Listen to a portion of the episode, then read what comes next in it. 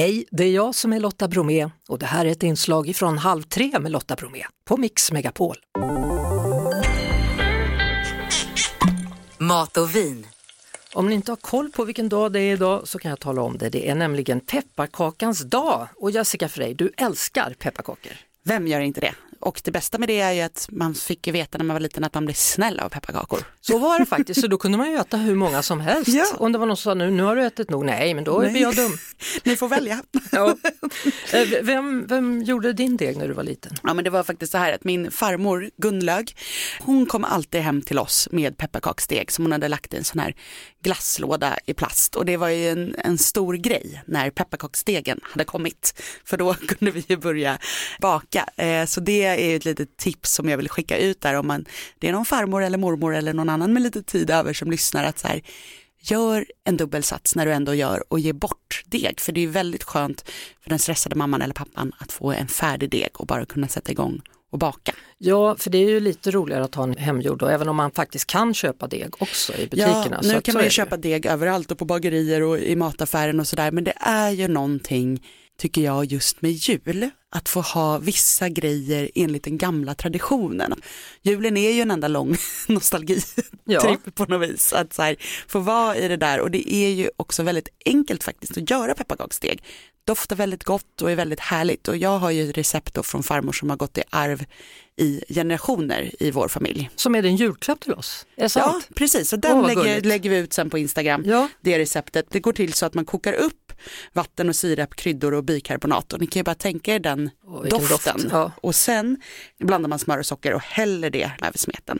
Och då är det så speciellt att i det här receptet så är det 213 gram smör. kan man ju tycka är en udda siffra, men vi ifrågasätter inte ett 100 år gammalt recept. Det gör man inte, utan man gör så. 213 230 ska det gram. vara.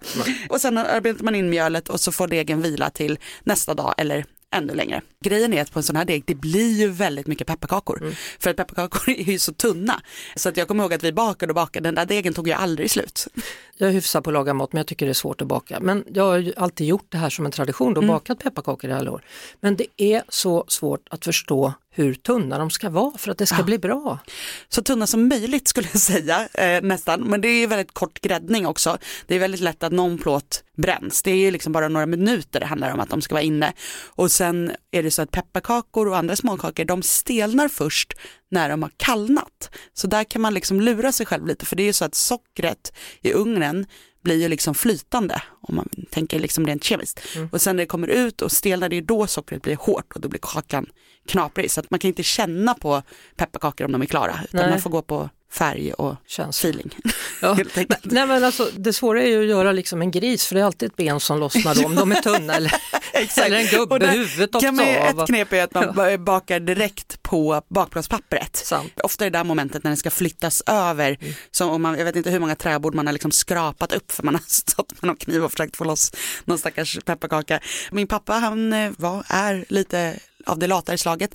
Han körde ju då ofta osthyvel bara. Man tog en bit deg och så osthyvlade man fyrkantiga pepparkakor då. Och det kan man göra, så kan man dekorera dem sen istället då med kristyr och strössel och, och pynta dem. Men det var en oerhört smidig idé för sådana som jag då, som inte Ja. klarar av att kavla. Och, precis, och man kan göra det eller så kan man också göra skurna pepparkakor och då kan det vara trevligt om när du har gjort din deg att man formar degen som en rulle istället så att den blir rund för då när du skär eller osthyvlar så får du i alla fall runda pepparkakor, det blir någon form av form på dem. Ja.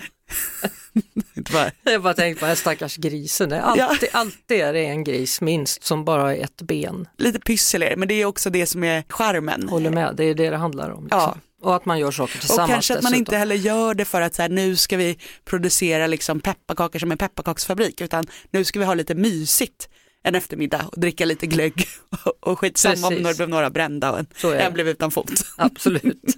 Nästa vecka då ska vi prata om annat gott, då blir det julgodis. Jajamän. Och som vanligt då så hittar ni recepten på Jessica Freys Instagram eller Mix Megapols densamme. Det var det. Vi hörs såklart igen på Mix Megapol varje eftermiddag vid halv tre. Ett poddtips från Podplay. I fallen jag aldrig glömmer djupdyker Hasse Aro i arbetet bakom några av Sveriges mest uppseendeväckande brottsutredningar. Går vi in med hemlig telefonavlyssning och, och då upplever vi att vi får en total förändring av hans beteende. Vad är det som händer nu? Vem är det som läcker? Och så säger han att jag är kriminell, jag har varit kriminell i hela mitt liv men att mörda ett barn, där går min gräns. Nya säsongen av Fallen jag aldrig glömmer på Podplay.